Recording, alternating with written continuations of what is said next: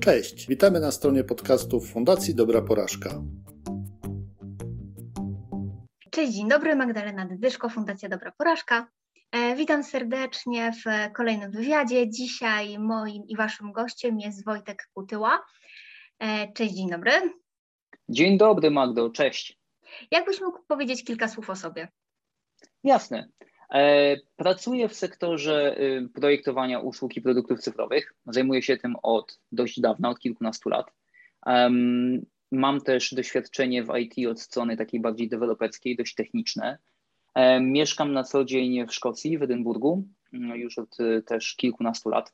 E, I często pojawiam się w Polsce, prowadzę dość znany tam newsletter opowieści ze świata UX, przeprowadzam warsztaty, na co dzień pracuję z dużymi i małymi firmami e, w całej Europie i poza nią, świadcząc usługi głównie konsultingowe, konsultingowe już w tej chwili, ale przez wiele lat pracowałem e, na różnego rodzaju pozycjach w firmach konsultingowych czy też e, agencjach takich digital, kreatywnych.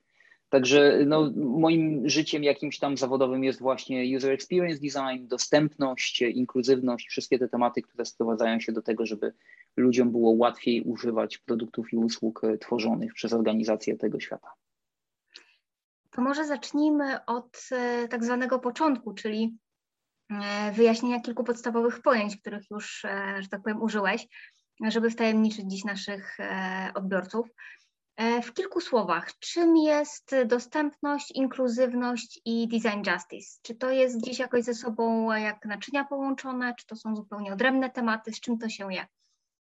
Tak, wszystkie te terminy są ze sobą połączone, są również połączone z terminem użyteczności. E, w dzisiejszych czasach tak naprawdę użyteczność, dostępność, inkluzywność i wiele innych rzeczy zbiera się razem, zbiega się do kupy w taką mieszankę, która oznacza ogólnie rzecz biorąc to, jak wygodnie i jak godnie możemy używać właśnie rozwiązań cyfrowych. I nie tylko zresztą, ale my będziemy rozmawiać głównie o rozwiązaniach cyfrowych. Jeżeli chodzi o ten wspomniany wcześniej user experience design, to właśnie całość tego doświadczenia. Dostępność to tak naprawdę umożliwienie osobom, które mają nieco inne potrzeby niż te standardowe y, korzystania z usług, które im oferujemy. Inkluzywność oznacza, że y, nie tylko można czegoś użyć, ale także to, że osoba, która używa tego czegoś, czuje się dobrze po prostu ze sobą i e, nie odczuwa żadnego dyskomfortu psychicznego związanego z marginalizacją czy wykluczeniem. A design justice tak naprawdę to jednocześnie i trend w projektowaniu, i organizacja, która skupia e, pod swoim parasolem projektantów i projektantki z całego świata, osoby, które starają się upewnić, że rozwiązania tworzone przez nich nie dyskryminują lub w jak najmniejszym stopniu dyskryminują zmarginalizowane grupy społeczne. E, temat do, mocno ciekawy i, i mocno potrzebny. E, ostatnimi czasy nawet bardzo, bardzo popularny e, z racji właśnie włączania różnych grup społecznych do, do życia, do, do, też do, do, do życia cyfrowego. A powiedz mi, no, w projektowaniu, jak to w życiu, wpadki, jakieś porażki się zdarzają, tego, tego nie unikniemy. E, czym są takie wpadki, e, ewentualnie jakieś przykłady wpadek, właśnie ewentualnie w, albo w tych trzech obszarach, o których wspominałeś, albo ewentualnie w szeroko pojętej dostępności? Myślę, że można by wyliczać tutaj jakieś takie maleńkie przypadki, które, które zdarzają się wszystkim, e, ale dla mnie jest tu coś ważniejszego, coś takiego, co, co jakby odgórnie rzuca taki dość smutny cień na, nasze, na, nasze, na naszą pracę, na pracę osób zajmujących się projektowaniem. E, mianowicie to, że y, trudno czasem jest osobom postronnym e, lub nawet niestety osobom, które projektowaniem zajmują się na co dzień, zauważyć, że ktoś może doświadczać świata inaczej niż my, że może w jakiś inny sposób podchodzić do rzeczywistości i to e, niekoniecznie związane musi być z niepełnosprawnością, ale może nawet dotyczyć takich E, jakichś standardów życia czy, czy domen życia, które ocierają się o, o postrzeganie tego, co się dzieje dookoła nas, o przekonania, o, o naszą wiarę w coś, o to, jakimi jesteśmy ludźmi. I wydaje mi się, że to jest jedna z największych, może porażek to za duże słowo, ale jeden z największych problemów e, w tej sferze, w której ogólnie rzecz biorąc rządzi takie podejście technokratyczne, to znaczy technologia nas zbawi świat poprawi na lepsze i tak naprawdę jak nie umiesz używać technologii albo nie chcesz jej używać, to jesteś dziwny, jesteś osobą persona non grata. Tymczasem wcale tak nie jest. Mimo wszystko świat jest dużo bardziej skomplikowany niż to, co możemy zobaczyć na ekranie komputera, i wydaje mi się, że umiejętność dostrzeżenia tych połączeń pomiędzy ludźmi, pomiędzy organizacjami, całym e, ekosystemem, a także mm, jakby takimi warunkami socjo-społeczno-ekonomicznymi jednak bardzo pomaga w projektowaniu, a, a często właśnie tego brakuje. No i do tego można by doliczyć właśnie te, e, to, to, co często ja widzę w swojej pracy, mianowicie to, że ze względu na bardzo szybki postęp technologiczny, który dokonał się w ostatnich kilkunastu latach e, i niesamowite po prostu technologie, które mamy do dyspozycji, e, często zapominamy o tym, że te technologie i standardy trzeba dobrze rozumieć, żeby je dobrze stosować. A dzisiaj jest bardzo łatwo zbudować stronę internetową, aplikację mobilną albo cokolwiek tam sobie wymyślisz, wiesz, oprogramowanie do mikrofalówki albo do samochodu, czy domowy serwer plików muzycznych. Ale żeby zrobić to dobrze i żeby zrobić to ze zmysłem i z jakością, która pozwoli wielu, e, wielu osobom, które na co dzień może nie miałyby takiego bezpośredniego dostępu do tych rozwiązań, używać tych rozwiązań wygodnie, no to już potrzeba jednak jakiejś, jakiejś wiedzy na ten temat. I, i to jest moim zdaniem ten aspekt naszej pracy, w którym często zaliczamy porażkę. Ja widziałem już tyle mm, systemów informatycznych y, różnego rodzaju, właśnie stron, aplikacji, wielu innych rozwiązań, które projektowane były w takiej wierze, że nieważne jak to działa w środku, ważne, że działa na zewnątrz i że generalnie jest szybko i wygodnie. Tymczasem no, to jest proszenie się o kłopoty i często okazuje się, że właśnie w ten sposób dyskryminujemy, alienujemy, wykluczamy jakieś konkretne osoby lub grupy społeczne i, e, i tworzymy po prostu ludziom tak naprawdę problemy, zamiast rozwiązywać e, te problemy za nich. A łatwo się przyznać do takiej porażki, będąc e, właśnie projektantem? Jak sobie z nią poradzić, jak ją, jak ją przepracować, jak, jak przejść z nią, że tak powiem, do tak zwanego porządku dziennego? Myślę, że bardzo dużo zależy od kultury takiej Mm, myślenia o własnej pracy, porażkach, nauczce e, jakiejś, czy naukach ogólnie i rozwoju.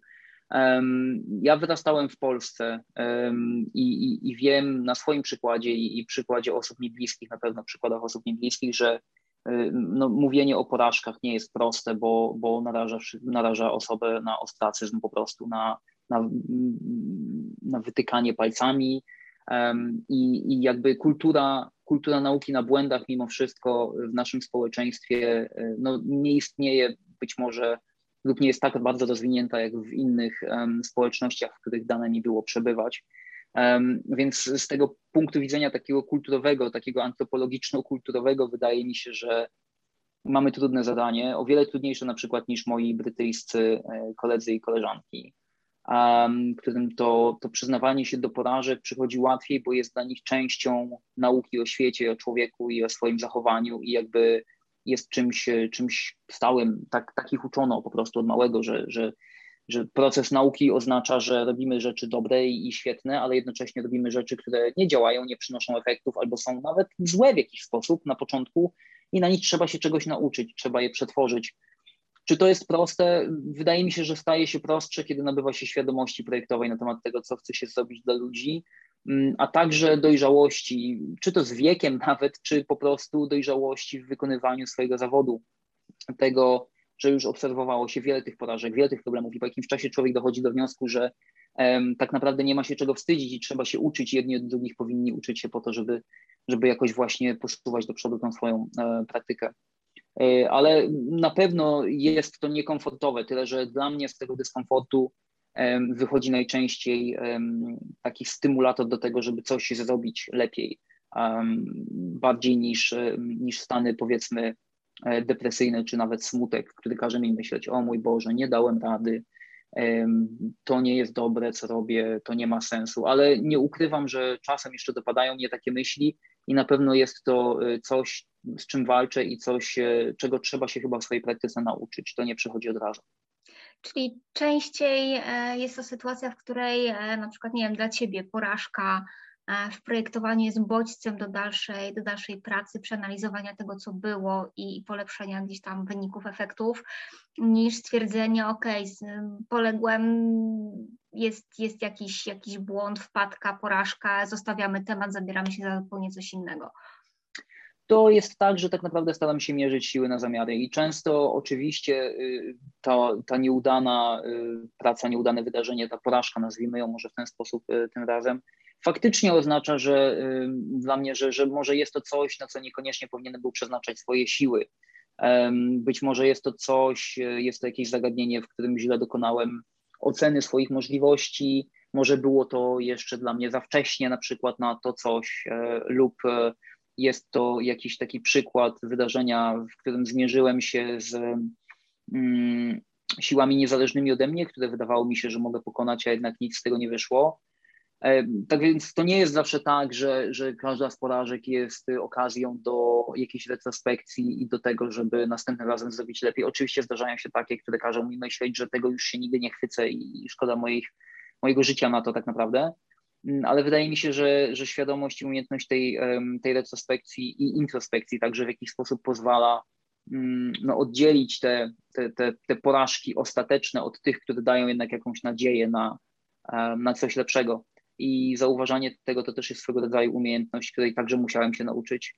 E, szczęściem przychodząca dość naturalnie po prostu z latami pracy zawodowej, ale e, na pewno, na pewno istnieją takie dwa rodzaje porażek. Jeden taki samotny, E, z którego można wiele się nauczyć, ale który już nie każe nam kontynuować, i drugi taki, który faktycznie przynosi nam jakąś wiedzę, a jednocześnie zachęca do tego, żeby w pewien sposób kontynuować pracę. A jak wyciągać z tego wnioski? Tych, tych porażek e, właśnie w, tej, w tym projektowaniu dostępności cyfrowej? Mnie pomaga na pewno to, że staram się rozpatrywać, e, choć nie zawsze się to oczywiście udaje, bo jestem tylko człowiekiem i, i wiadomo, wszystko co ludzkie nie jest mi obce, E, czasem, czasem jednak nie daje rady, ale kiedy się udaje, to, to, to podchodzę do tego na zasadzie analizy faktów, które się wydarzyły. Staram się odsunąć moje uczucia na bok i zrozumieć, co poszło nie tak, rozpatrując to właśnie poprzez pryzmat faktów, bo, bo to jednak pomaga nabyć dystansu. Wydaje mi się, że ten dystans jest bardzo ważny.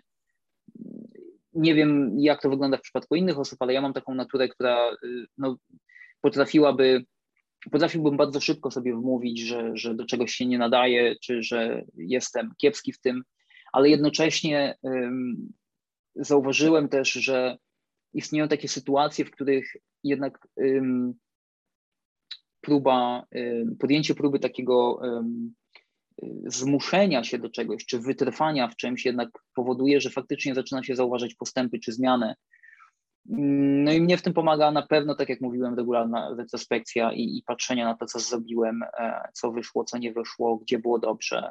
Ja staram się prowadzić taki dziennik, w którym notuję sobie, co mnie danego dnia e, kręciło, co było fajne, co było niefajne, jak się czułem tego dnia, jaki miało to wpływ na mój humor, jak moje zdrowie tego dnia miało wpływ na moją pracę.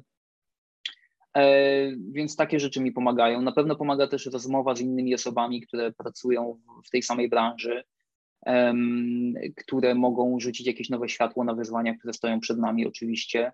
Na pewno bardzo pomaga w tym terapia. Ja jestem wielkim fanem terapii. Uważam, że każdy powinien mieć terapeutę i wiem, że jest to wciąż temat dla wielu osób bardzo Mm, niewygodny, ale jednak uważam, że y, terapia, y, już nieważne jaka, to jest ich bardzo dużo rodzajów i bardzo dużo specjalistów jest, którzy tą terapię oferują. Naprawdę pomaga w życiu niesamowicie, pomaga w rozkminach takich na, na tematy nie tylko oczywiście zawodowe, ale także i personalne. Także kombinacja tych czynników plus y, otwartość na świat i słuchanie samego siebie i obserwowanie własnych reakcji i świadomość tych reakcji, a także mm, jakichś schematów, które, które wpadamy, automatyzmów, E, na pewno pomaga w ogarnianiu tych, tych podażek. Szczęściem one też nie zdarzają się tak znowu często, bo jednak jeżeli na pewnym etapie naszej świadomości zaczniemy uważnie obserwować to, co się dzieje, to zauważamy, że porażka to jest w ogóle taki um, bardziej kulturowy termin niż praktyczny. Ze, ze, wszystkich naszych działań, ze wszystkich efektów naszych działań można wyciągnąć jakieś wnioski, więc e, w tym kontekście trudno mi mówić o, o porażce jako takiej. Nie jestem do końca pewien, czy istnieje tak naprawdę coś takiego jak porażka. Wydaje mi się, że raczej jest to okazja do wejrzenia w siebie, do spojrzenia takiego w miarę obiektywnego, otwartego na sytuację, wyciągnięcia jakichś wniosków. Efekty czasem może nie są zgodne z tymi, które oczekiwaliśmy, których oczekiwaliśmy, ale, ale mimo wszystko zawsze gdzieś istnieje jakaś okazja do tego, żeby się czegoś o sobie nauczyć i o świecie. Dobrze powiedziane. E, mówiłeś wcześniej, że mieszkasz w Szkocji. E, wcześniej e, pracowałeś, działałeś w Polsce. E, powiedz mi, którego klienta łatwiej jest e, przekonać do dostępności? W sensie w projektach, tak, żeby mu mhm. wyłożyć, że to jest potrzebne, to jest e, godne uwagi i że to nie mhm. jest tylko dla osób z tymi specjalnymi, szczególnymi potrzebami, tylko korzystają na tym tak naprawdę wszyscy. Jak to jest z tą świadomością między właśnie Polakami a Brytyjczykami, czy nawet Szkotami? Wiesz, rynek brytyjski, rynek Europy Zachodniej, który rozwijał się spokojnie i stabilnie po II wojnie światowej i miał wiele czasu na to, żeby powolutku dochodzić do pewnych wniosków i, i osiągać nieco wyższy poziom kultury cywilizacyjnej niż e, rynek chociażby polski, czy to czy, czy rynki Europy Wschodniej, jest e, do przodu, jeżeli chodzi o tematy związane z tolerancją, akceptacją, niwelowaniem wykluczenia społecznego, choć oczywiście nie na wszystkich płaszczyznach, ponieważ sytuacja osób żyjących z niepełnosprawnościami jest bardzo skomplikowana i trudna, także w Wielkiej Brytanii, w wielu innych krajach. To, te osoby po prostu nigdy nie mają łatwego życia, systemowo dyskryminujemy je na wszelkie możliwe sposoby i, i to jest trudny temat. Ale nie ukrywam, że w swojej pracy mm, o wiele łatwiej jest mi mówić na tematy związane z dostępnością i jakby przekonywać do niej klientów, gdyż powiedziałbym nawet, że, że w kontaktach z klientami e, po stronie brytyjskiej, z tymi, którymi mam najczęściej mm, do czynienia, tak naprawdę nie muszę nikogo do niczego przekonywać. Jest to po prostu e, niezbędny element układanki. E, nie, w żaden sposób nie podważa się ważności, dostępności czy inkluzywności z dwóch powodów. Po pierwsze, właściwie z wielu powodów, ale po pierwsze dlatego, że świadomość biznesowa jest dość wysoka i jakby organizacje rozumieją, że nie dbając o dostępność, jeżeli nawet nie, nie, nie będziemy rozpatrywać tego w kategoriach etycznych, to najzwyczajniej w świecie po prostu e, psujemy sobie biznes. A, a drugim takim aspektem na pewno jest właśnie to zakorzenione w kulturze jednak e, większe podejście, bardziej tolerancyjne do różnorodności, do, E, do odmienności, do, do, mm, do tego, że, że ludzie e, przychodzą w różnym kształcie, kolorze i, i mają różne przyzwyczajenia i kurczę różnego rodzaju mm, jakieś tam potrzeby swoje różne i nie wszystkie trzeba rozumieć, ale warto je akceptować. To jest, nie ukrywam coś, co mm, na pewno wiesz z własnych obserwacji, mieszkając w Polsce na co dzień wciąż jeszcze nie dla wszystkich w naszym naszym ojczyźnianym kraju jest jasne i, i klarowne. Mm, no, nie da się też ukryć, że obecna koniunktura polityczna jakby amplifikuje tylko te wszystkie różnice między ludźmi, ale to jest temat na e, podcast albo rozmowę przy, przy wielu piwach i jakimś dobrym jedzeniu. E, albo może lepiej nie, bo od niedawna to, to jedzenie przestałoby smakować, kiedy się rozmawia o takich rzeczach, niestety.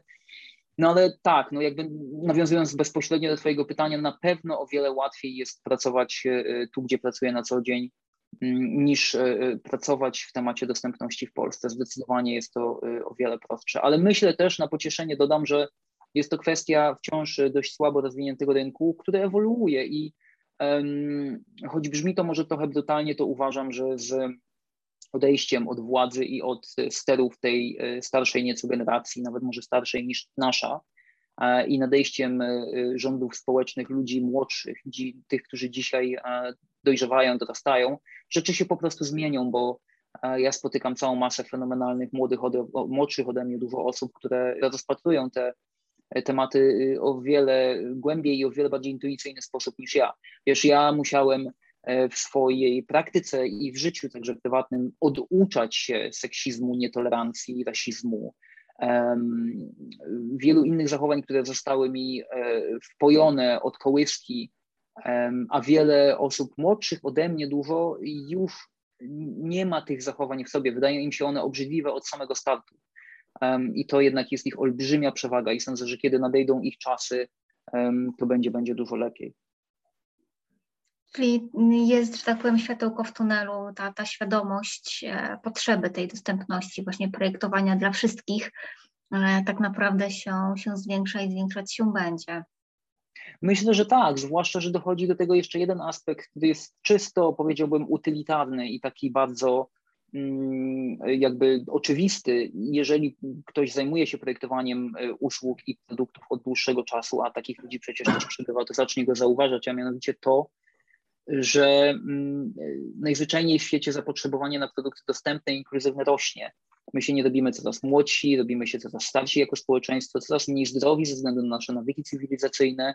Oczywiście teraz y, ta bardzo trudna w światowym nawet wymiarze sytuacja pandemii spowodowała, że sytuacja osób żyjących z niepełnosprawnościami bardzo pogorszyła się, ale dodatkowo i nie można tego odczytywać jako plus, ale jednak jako jakiś taki wake-up call, jakieś takie przebudzenie, wydaje mi się, dla wielu.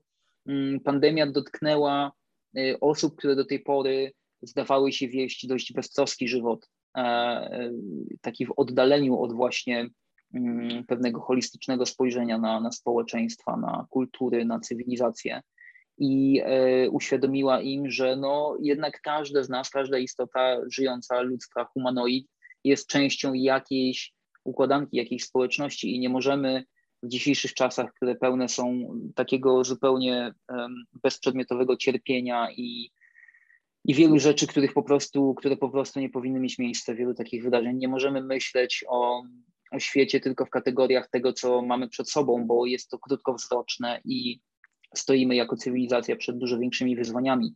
I jednym z tych wyzwań jest właśnie umożliwienie wszystkim równego i wygodnego dostępu do wiedzy, do edukacji, do usług, do produktów, które mogą życie tych osób wzbogacić, do mm, różnego rodzaju rozwiązań, które y, mogą spowodować, że osoby te staną się e, pełnoprawnymi członkami społeczeństwa.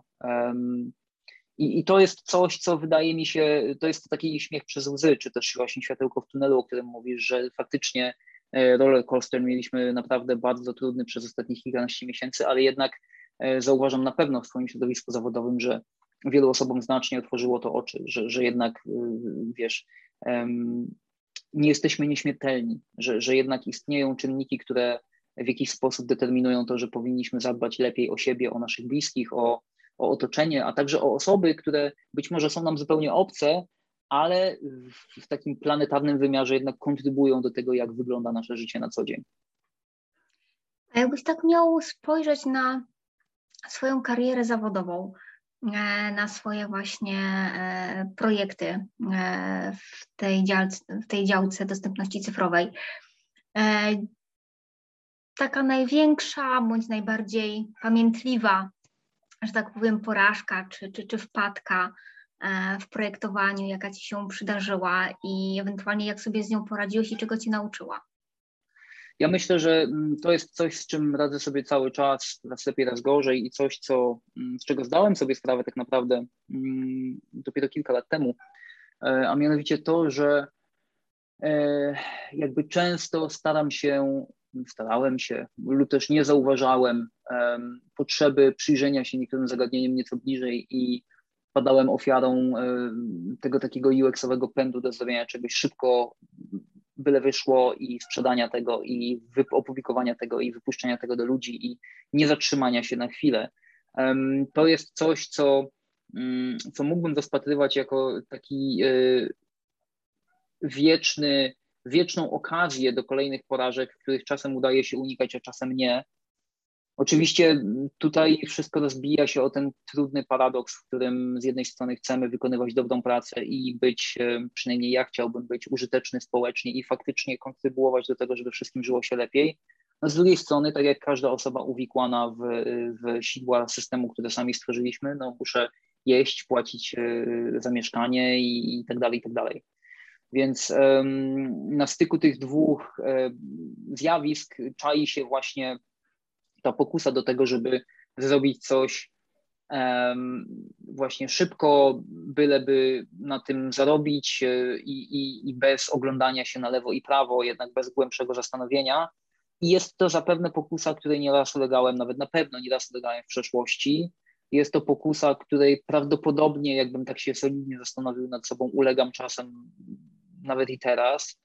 E, której ulegam nawet teraz, bo no, jestem tylko człowiekiem, jak już mówiłem, ale wydaje mi się, że, że świadomość tego właśnie eliminuje te takie najbardziej hardkorowe, najgorsze porażki, które mogłyby się wydarzyć. Nie jestem w stanie wskazać palcem na nic w swojej karierze, na co mógłbym, o czym mógłbym pomyśleć, że, że w kwestii dostępności zwłaszcza, że, że to była jakaś taka no, bardzo duża porażka. Jeżeli mógłbym przywołać jakieś konkretne przykłady, to będą to być może sytuacje, w których na przykład starałem się pomóc jakiejś organizacji zaszczepić w niej właśnie taki, takie zachowania związane z dostępnością w pojęciu e, projektowania usług i produktów czy programowania, mm, ale spełzły one na niczym. I takich na pewno przypadków mógłbym znaleźć kilka, tylko że z mojego punktu widzenia nie do końca są to porażki, albowiem nawet jeżeli tak się wydarza, to często jest tak, że osoby, które były zaangażowane w ten proces, nawet jeżeli nie mają siły ciągnąć tego dalej, albo na przykład zostały zahamowane w próbach jakby ciągnięcia tej sytuacji dalej, nawet jeżeli zmienią pracę, to czy przeniosą w ogóle, zmienią sektor, to, to jednak zachowają odrobinę tego myślenia gdzieś tam w głowie i już będą postępować inaczej. Dlatego ja myślę, że mm, bardzo istotne jest tu to, żeby pamiętać, że nasze działania zawsze wywierają jakiś efekt i jeżeli postaramy się dobrze wykonywać naszą robotę, to nawet jeżeli dojdzie do sytuacji, w której kończy się ona porażką, to jednak coś dobrego z tego wyjść mogło po drodze i pewnie wyszło. I że ponieważ nie jesteśmy jedynymi osobami zaangażowanymi w swoją pracę, to często może okazać się tak, że nawet pomimo naszego niezadowolenia czy odczucia, czy uczucia jakiejś porażki, um, znajdą się takie osoby, dla których nasza praca była wartościowa i, i wniosła coś do ich życia. E, wspomniałeś, że mm, jednym sposobem, jednym ze sposobów czy, czy metod e, gdzieś uniknięcia porażek na tak zwaną przyszłość jest spieszenie się powoli, mhm. mówiąc, mówiąc w skrócie. E, I, I trzeba mieć to gdzieś zawsze z tyłu głowy. E, masz jeszcze jakieś inne sprawdzone metody e, czy sposoby właśnie zaradzenia porażkom na, na, na przyszłość albo ewentualnie przewidzenia porażki w jakimś mm -hmm. projekcie, jak już zaczynasz pracę na zasadzie, dobra, nie idźmy tą drogą, bo to padnie, zmienimy w ogóle koncepcję albo w ogóle jakaś złota rada, środek na to, mm -hmm. jak tych mhm. porażek unikać gdzieś w przyszłości właśnie w no, karierze projektanta. Mm -hmm. Wydaje mi się, że złotych rad do końca nie ma. Zresztą kimże ja jestem, żeby złotych rad udzielać, skoro ciągle też mylę się i uczę y, nieustannie od kilkunastu już lat. Ale na pewno są rzeczy, które pomagają. Na pewno pomaga dobre planowanie, na pewno pomaga dobre przewidzenie tego, co może dziać się w procesie projektowym, jak chcemy podejść do rozwiązania problemu. Przede wszystkim zadanie sobie tych istotnych pytań, co my właściwie chcemy zrobić i dlaczego i czy to w ogóle jest potrzebne czy nasze działania ogólnie jako takie mają sens, czy tylko podążamy za tym, że ktoś ma budżet i chce coś zrobić, bo tak też może być niestety czasem. Na pewno pomaga też gruntowne rozpoznanie grupy docelowej dla produktu i zauważenie całego value chain, a nie tylko tych ludzi, którzy są odbiorcami produktu na końcu, a nawet jeżeli tak jest, to przynajmniej przyjrzenie się tym grupom odbiorców, bo to też nigdy nie jest tak, że to jest jedna i ta sama osoba. Zawsze, jak mówiłem, ludzie, ludzie przychodzą w wielu kolorach i rozmiarach, i smakach, i zapachach, i w ogóle, i, i dobrze się w tym zorientować. Także mm, sądzę, że to się sprowadza do odrobienia swojego zadania domowego i do troszkę bardziej krytycznego spojrzenia na to, jaki jest brief projektowy, jakie założenia y, ma dana organizacja, próbując jakiś produkt czy usługę powołać do życia, na pewno pomaga też coś takiego jak osadzenie tego projektu e, w, czy też skonfrontowanie go z systemem własnych wartości, który, który jakoś tam ustabilizowany pozwala potem podejmować działania, które jednak się z nim zgadzają, przynajmniej w większości powinny zgadzać się, a to powoduje, że, że praca jest po prostu łatwiejsza i e, przyjemniejsza. Bo wydaje mi się, że źródłem wielu naszych porażek czy m, takich może niedociągnięć jest, e, jest e, w jakiś sposób nasza niezgoda na coś albo nasz brak otwartości na coś, ewentualnie właśnie dyskomfort, który odczuwamy w pracy z danym zagadnieniem, bo, bo kiedy odczuwamy dyskomfort, to wiadomo, próbujemy pozbyć się tego bólu szybko, e, ciach, ciach, gotowe, zrobione, o kurczę, nie wyszło, nie, teraz mamy bubę. Więc to są takie rzeczy jakby miał to wszystko podsumować, to, to, to się rozbija o dwie sprawy dla mnie. Jedna to jest przygotowanie techniczne do wykonywania danej pracy, danego projektu, właśnie takie y, bardzo procesowe, bardzo logiczne, mm, żeby zauważać, co wynika z czego i tak dalej, jaka jest kolejność czynności. A druga to jest takie wyjrzenie w siebie trochę i przyjrzenie się temu, jak ja się czuję z tym czymś, z tym projektem, co ja chciałbym zrobić, co chciałbym osiągnąć, jak to się właśnie pokrywa z tym, co myślę o świecie, jak będę się komunikować, czy zauważam jakąś dynamikę w mm, otoczeniu moim projektowym, która każe mi zmienić metodę komunikacji, dostosować ją. To są tego typu rzeczy. Myślę, że zastanawiając się nad nimi, można e, prawdopodobnie uniknąć większości nieprzyjemnych sytuacji w naszej pracy. Ja ze swojej strony bardzo Ci dziękuję za dzisiejszą rozmowę. Bardzo, bardzo wartościową i, i bardzo inspirującą. Mam nadzieję, że wielu naszych odbiorców e, z tych, z tych informacji e, i, i tych rad skorzysta nie tylko w sferze projektowania e, dostępności, ale też czy, czy prywatnie, czy, czy w innym życiu zawodowym. E, w innych dziedzinach e, jak najbardziej do, do wykorzystania i do dostosowania. Bo jeszcze raz bardzo dziękuję e, za to, że zgodziłeś się na wywiad, poświęciłeś czas i poopowiadałeś o, o swojej pracy i też wpadkach czy, czy, czy porażkach, które gdzieś tam po drodze się pojawiają. Z mojej strony to, to tyle. Bardzo, bardzo jeszcze raz serdecznie dziękuję. Bardzo dziękuję i chciałbym jeszcze tylko zaprosić wszystkich słuchaczy, jeżeli mają ochotę, na warsztaty o dostępności i inkluzywności dwudniowe, które będę prowadził w Warszawie już we wrześniu. Informacje są na stronie learndesign.pl um, albo też można znaleźć mnie na LinkedInie i znaleźć się gdzieś tam na moim profilu. Jeżeli e, interesują Was e, rzeczy, o których dzisiaj rozmawialiśmy, to tam będzie okazja do tego, żeby nauczyć się tego bezpośrednio ode mnie, pogadać ze mną i w dwa dni zdobyć fajne umiejętności, które przydadzą się Wam w karierze. A raz jeszcze chciałem podziękować Ci, Magda, za, za wspólny czas i mam nadzieję, że e, komuś na coś to się przydało. Dzięki. Na pewno. Dzięki serdeczne. Dziękujemy za wysłuchanie naszego podcastu. Jeśli szukasz innych ciekawych materiałów, zapraszamy na stronę dobraporażka.pl.